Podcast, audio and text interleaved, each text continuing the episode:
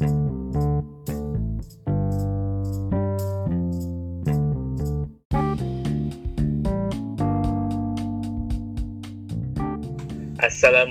warahmatullahi wabarakatuh. Selamat pagi, siang, sore, transpro dan transpro. Kalian dalam keadaan sehat walafiat di tengah pandemi ini ya. Jangan lupa selalu jaga protokol kesehatan dan menerapkan 5M. Oke, transpro dan transit kalian, senang sekali pada episode ini Trancaster Haikal, Trancaster Raffi, dan Trancaster Azam menemani kalian dalam rangka Dirgahayu Republik Indonesia yang ke-76. Nah, dalam menyambut rangkaian Dirgahayu Republik Indonesia yang ke-76, dengan bangga kita membawakan episode nih. Dengan banyaknya negara-negara dari luar yang berebut proyek-proyek transportasi di Indonesia untuk ke depannya. Nah, gimana sih menurut pandangan dari transcaster transcaster kalau dari gue sendiri ya jujur sebagai orang awam mungkin ya ada sisi positif dan negatifnya untuk sisi positifnya mungkin kita bisa apa tuh mencontohkan sistemnya. Terus kalau negatifnya sih gue kurang kurang paham juga sih. Nah itu pandangan singkat dari gue sih. Kalau pandangan dari Transcaster Raffi ini gimana gimana? Ya kalau dari pandangan gue sendiri ya terkait negara-negara luar yang hendak berinvestasi terkait pembangunan sarana dan prasarana transportasi di Indonesia ya. Memang sih banyak negara-negara berebut sih karena memang Indonesia sendiri kan sekarang lagi gencar-gencarnya pembangunan sarana dan prasarana untuk menunjang transportasi untuk membantu mobilitas masyarakat berpindah dari satu tempat ke tempat lain. Ya yang lagi sekarang lagi happening nih pembangunan kereta cepat Jakarta Bandung tuh bisa dibilang yang dulu menjadi eh, rebutan antara beberapa negara yang mau menginvestasikan di proyek kereta cepat tersebut. Yang sekarang juga sedang pembangunan juga ya jalan tol terus kemudian eh, transportasi laut mungkin yang untuk bantu navigasinya mungkin juga banyak yang berebut investasi di situ juga. Yang dominan sih darat ya ya jalan tol jembatan jalan nasional dan juga kereta api. Ya Indonesia memang potensi sih sekarang di mana di era pemerintahan sekarang itu sedang banyaknya pembangunan-pembangunan sarana dan prasarana transportasi. Kurang lebih begitu. Oke, selanjutnya pandangan dari Transcaster Ikal nih. Kan kalau nggak salah lo itu paham dan juga tahu soal master plan master plan transportasi di Indonesia ya kan. Nah, lu menurut pandangan lu gimana nih soal banyaknya negara-negara yang merebutkan proyek transportasi di negara kita ini? Oke, iya iya. Dibilang paham sih enggak ya. Cuman kalau bilang ngamatin juga dia biasa aja sih gue. Cuman cuman gini sih ya banyak-banyak baca berita aja gitu. Cuma kalau ngasih pandangan sih wah uh, eh, gue nggak bisa ngasih pandangan yang terlalu vulgar ya nggak bisa ya secara pribadi kan kadang nih uh, eh, gue mencak-mencak gitu pengennya tapi nggak bisa lah ya dari sisi positifnya juga ada sisi negatif juga ada.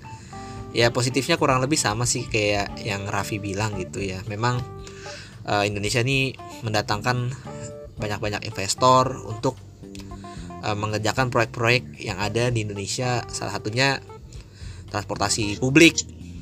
Dan rata-rata itu uh, uh, pakainya sih kereta apian gitu loh. Dan juga sih ada juga di bidang jalan tol terus juga di pelabuhan ataupun um, dunia penerbangan airport gitu. Macam-macam sih tapi yang memang lagi dititik beratkan di sini adalah transportasi publik di darat gitu. Di baik itu di Jabodetabek ataupun di kota-kota lain di Indonesia gitu sih Zam. Ya itu sih positifnya ya bagus gitu loh uh, kita bisa sharing teknologi terus juga bisa uh, nambah ilmu dari uh, dari negara lain. Tapi di sisi negatifnya juga kapan kita berdikarinya mungkin ya itu sih uh, dari dunia sospolnya sih. Ya kapan kita berdikari terus kenapa kita soal isu-isu SDM lah gitu suka banyak banget nih yang beredar gitu. Tapi ya udahlah uh, gimana ya gue nggak bisa ngomong ya udah terlanjur gitu. Memang sih harus ada orang juga yang lebih concern soal ini. Cuman gue gue bukan salah satunya ya. Cuman pandangan gue sih uh, baiknya juga kita ya pelan-pelan lah move on dari situ. Ya kalau dari sisi positif lagi sih ya soal investasi ya bagus berarti dong.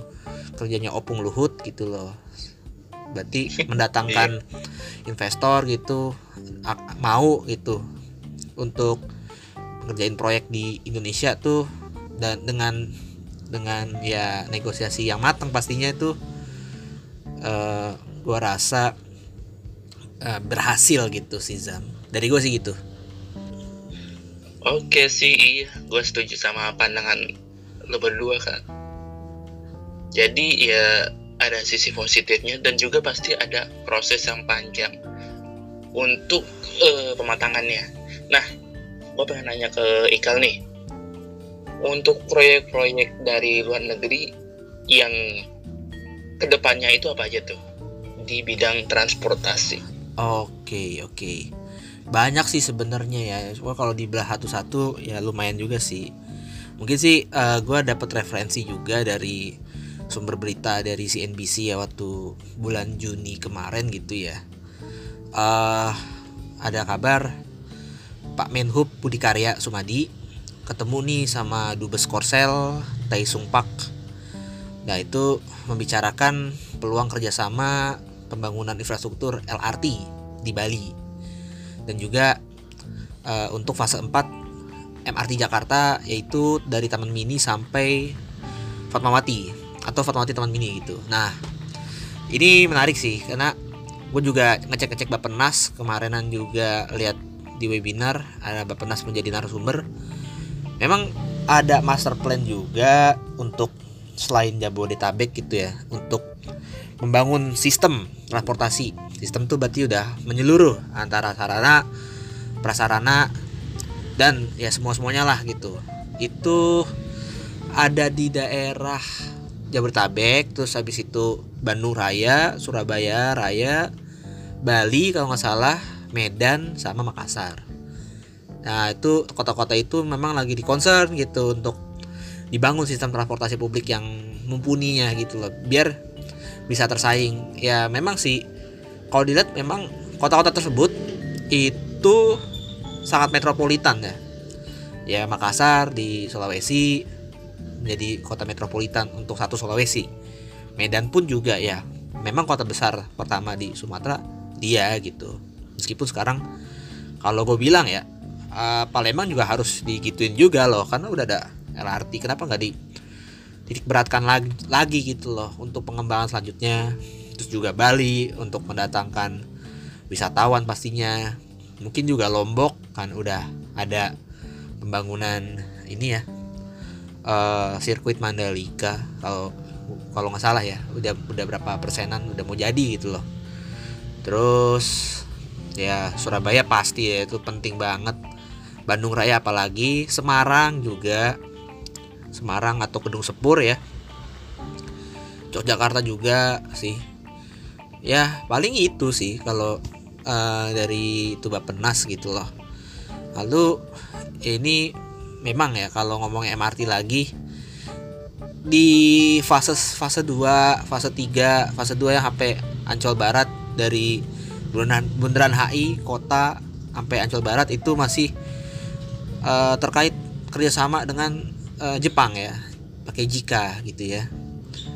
Itu juga dengan yang di fase 3 timur barat itu juga masih terkait kontrak dengan Jepang gitu makanya setelah itu bebas MRT memilih siapa investornya. Ya I hope sih bisa lebih mandiri ke depannya gitu loh. Ya makanya fase 4 ini mau coba melelangkan di uh, ke negara Korea bukan di sih ke negara Korea. Nah makanya Pak Budi Karya uh, langsung lah bernegosiasi gitu sama dubes Korsel waktu itu. Lalu lanjut nih tadi ada omongan soal LRT Bali nah ini Bali emang lagi di, di, dikencengin banget sih baik itu tol airport yang di Bali Utara terus juga pengembangan metropolitan di Denpasarnya ya dan sekitar Kuta, Seminyak dan Nusa Dua mungkin. Nah itu ada rencana LRT Bali itu katanya nih rutenya dari Bandara Ngurah Rai ke Seminyak dengan jauhnya tuh 9 kilo sampai 10 kiloan. Nah itu sudah ada kerjasama dengan Pemprov Bali beserta Korea National Railway.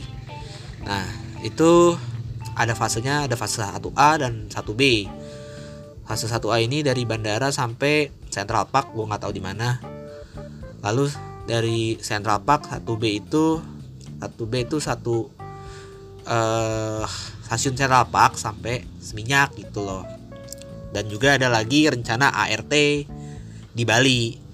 Itu. ART juga banyak sih kayak di Surabaya Bandung juga di Kaji Jogja dan kota-kota yang nggak terlalu besar lah. Uh, dan juga di Bali tadi sih gue bilang gitu. Nah balik lagi ke Bali soal LRT Bali itu ya. Lanjut lagi tuh fase 2 nya dari Seminyak sampai Mangwitani Mangwi berarti ke arah utara ya kalau nggak salah tuh. Nah itu kalau ngomongin soal pembayarannya katanya sih skemanya hibah gitu. Cuman ini masih balik lagi ke tadi yang gue bilang Bapenas um, memaster plan itu ya tentang penyusunan rencana mobilitas perkotaan gitu. Kayak sih insya Allah di akhir tahun ini gitu. Lanjut ke MRT fase 4 yang rutenya Fatmawati Taman Mini itu uh, udah melakukan kajian prastudi kelayakan sih pre feasibility study tahun 2020 kemarin gitu Nah katanya memang ada berapa ya tuh? Kalau 10 10 stasiun gitu. 3 elevated, 7 itu underground gitu dengan kedalamannya ya cukup dalam juga gitu sih. Nah, terus uh, hubungan bilateral RI dengan Korsel juga melelangkan beberapa proyek juga di luar Jawa dan Bali ya. Salah satunya tuh uh, pengembangan bandara Hang Nadim di Batam terus juga tentang mobil listrik kayaknya sih kerjasama sama Hyundai ini lalu pengembangan uh, jalur KA angkutan batubara di bagian Sumbaksel atau di frame 3 di frame 4 dari Lahat ke Tarahan lalu juga ada jalur KA di Kalteng gitu rencananya dari Puruk Cahu ke Bangkuang Nah tadi kita udah ngomongin uh, kerjasama dengan Korsel. Nah sekarang sama Cina nih. Tadi kan ya kita tahu lah sama Cina itu adalah KCIC. KCIC ini rencananya uh, beroperasi atau di uji cobakan sih sepertinya 2022 akhir kemungkinan besar di bulan November. Dia punya nilai investasi itu sekitar 6, 0,07 miliar US dollar. Dan insya Allah beroperasi itu KCIC ini pada 2023 gitu. Dengan kapasitas 600 penumpang gitu. Ya KCIC ini juga ini ya uh, perusahaannya semacam konsorsium ya antara BUMN dan juga uh, perusahaan-perusahaan apian dan juga BUMN di Cina juga gitu. Tapi juga ke depannya kayaknya bakal banyak lagi sih uh, untuk mungkin lanjut lanjutannya si kereta cepat ini ya Jepang bisa masuk kembali gitu sih harapan gue juga. Karena ini kan berebut ini dari tahun 2015 juga sih di mana Jepang udah mempersiapkan jalur kereta cepat di di lintas Pantura tapi tiba-tiba China menyalip gitu dan akhirnya memilih Cina gitu yang ke Bandung gitu. Sebenarnya sih banyak sih untuk ngomongin berobat-berobat ini loh. Ya Jepang pun juga bikin hmm, semacam studi kelayakan tuh kayak jalur Bogor Bandung elektrifikasi Cikampek Bandung. Terus juga uh, jalur Kulon. Nah, terus sekarang juga kembali menawarkan lagi ke Indonesia tuh katanya uh, jalur KA semi cepat lintas Pantura. Cuman masih belum tahu kayak gimana bentukannya gitu sih. Nah terus kalau Jepang lagi sih kayaknya sih kalau untuk transportasi publik masih seputar MRT fase 1 sama fase 2 ya dan fase 3 gitu ya. Yang rencananya Harmoni ke kota itu 2027 tapi yang dibuka duluan itu Bundaran HI Harmoni ya. Ini udah pernah kita bahas juga sih di episode dulu-dulu tuh soal problematika proyek MRT North South 2 itu. Kalau Transportasi mau denger Nah silahkan dengar itu dulu sih karena kita udah bahas banyak banget di situ tuh. Nah ngomongin Jepang juga, ya gue juga berharap sih kayak proyek-proyek lain juga di luar Jabodetabek bisa kerjasama dengan Jepang gitu. Terutama bagian perkeretaapian sih gitu. Bentar, ada satu lagi kemarin sih eh uh, kalau gua nggak salah nih ya. Ada rencana mengaktifkan kembali jalur tram di Semarang jalur tram untuk uh, wisata kota lama Semarang ya. Dengar-dengar sih itu memakai dana hibah dari Belanda itu dan juga tramnya dari Belanda. Cuman masih belum tahu kelanjutannya gimana. Hubungan antara Pemkot uh, Semarang dan juga dubes Belanda gitu. Ya paling sih seputar-seputar itu aja sih kalau yang baru dapat desas-desusnya sekarang gitu. Nah kalau kayaknya sih kalau untuk dunia penerbangan, dunia uh, kelautan gitu sih memang udah banyak juga juga sih sama Cina sama Jepang untuk bikin pelabuhan. Salah satunya pelabuhan Teluk Lamong, terus juga uh, Patimban. Dan ya gua harap sih uh, adanya aksesibilitas dan juga konektivitas sih dari dari itu semua gitu karena kalaupun ya cuma bangun-bangun doang nggak ada aksesnya ya. Tidak tidak mateng bro. Gitu. Apalagi lagi mau bangun ibu kota baru gitu loh. Ya banyaklah emang kerjanya uh, Indonesia nih. Paling itu sih yang yang gue bisa kasih tahu sih yang bisa gue sampaikan gitu. Nah mungkin kalau harapan dari gue juga nih uh, dalam rangka ulang tahun kemerdekaan yang ke-76 juga nih ya pandemi cepat berakhir pastinya gitu. Dan untuk vaksinasi terus digencarkan supaya dapat herd immunity ya. Ya sesuai dengan slogannya ulang tahun Indonesia yang saat ini gitu. Indonesia tangguh Indonesia tumbuh. Ya Indonesia mah orangnya tangguh-tangguh gitu. Dalam menghadapi pandemi be tangguh banget. Apalagi pas ppkm kemarin be cakep udah terus ya semoga mah tumbuhnya juga tumbuh ekonominya dari bangkit dari bangkit dari pandemi ini gitu kalau pendapat dari lu gimana Zam? Oke harapan gue ya di Dirgahayu NKRI yang ke-76 ini di bidang transportasi ya untuk para investor-investor dari negara lain yang menggarap proyek bintang nah, lebih apa ya menggunakan tenaga kerja dari Indonesia lah. Masih tetap bumi dipakai. Nah kan sesuai sama slogan tahun kapan kan yang kerja kerja kerja uh, tahun berapa ya? Ya ke, ke 70 ya? Ke 70 ya? Ya zamannya Pak Presiden Jokowi periode satu kan tuh nggak jauh-jauh jawabannya kerja terus tuh. Dari 70 sampai 74 tuh. Setahu gue itu sih. Nah itu harapan gue di untuk proyek-proyek yang akan mungkin digarap sama investor-investor luar negeri. Nah terus dari segi sistemnya mungkin bisa dikembangin lagi bukan hanya di Jakarta. Jadi kan Jakarta itu sebagai contoh kan ya. Betul. Bisa diimplementasikan di kota-kota lainnya. Terus kalau dari kitanya sebagai masyarakat yang bermobilitas di transportasi ada perkembangan dari segi memahami transportasi secara modern lah ya karena kan semakin ke sini sistem semakin canggih dari transportasinya jadi kalau bisa sih kita uh, lebih siap itu aja sih. Oke. Lambat kalau dari Raffi gimana Vi tentang harapan di uh, tahun kemerdekaan Indonesia yang ke-76 ini Vi ya kalau dari gue sih harapannya untuk ultah Indonesia yang ke-76 ini ya mengingat sekarang kita masih masa pandemi semoga pandemi segera berakhir dan kita bisa beraktivitas. Ya mungkin dengan adaptasi baru ya kita lebih menjaga kebersihan menjaga apa mengubah pola hidup yang lebih baik.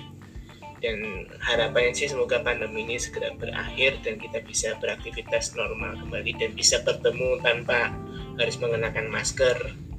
Dan harapannya semoga ekonomi negara Indonesia lekas membaik lagi setelah adanya pandemi ini dan untuk transportasi untuk ke depannya di Indonesia semoga makin maju berkembang dan banyak orang-orang yang berminat untuk menggunakan transportasi umum dengan sarana dan prasarana yang mendukung.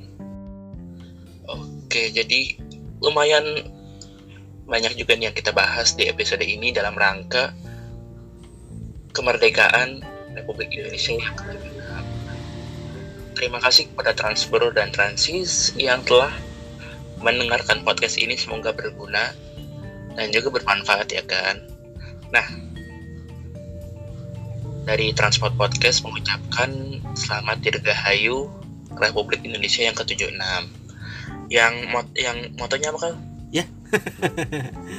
motonya tuh ini apa? Indonesia tangguh, Indonesia tumbuh. Eh, mantap gak tuh? Oke, mantap, mantap. Kepada Transpro dan Transis, jangan lupa selalu jaga kesehatan, protokol kesehatan dijaga dan juga menjaga 5M. Wassalamualaikum warahmatullahi wabarakatuh.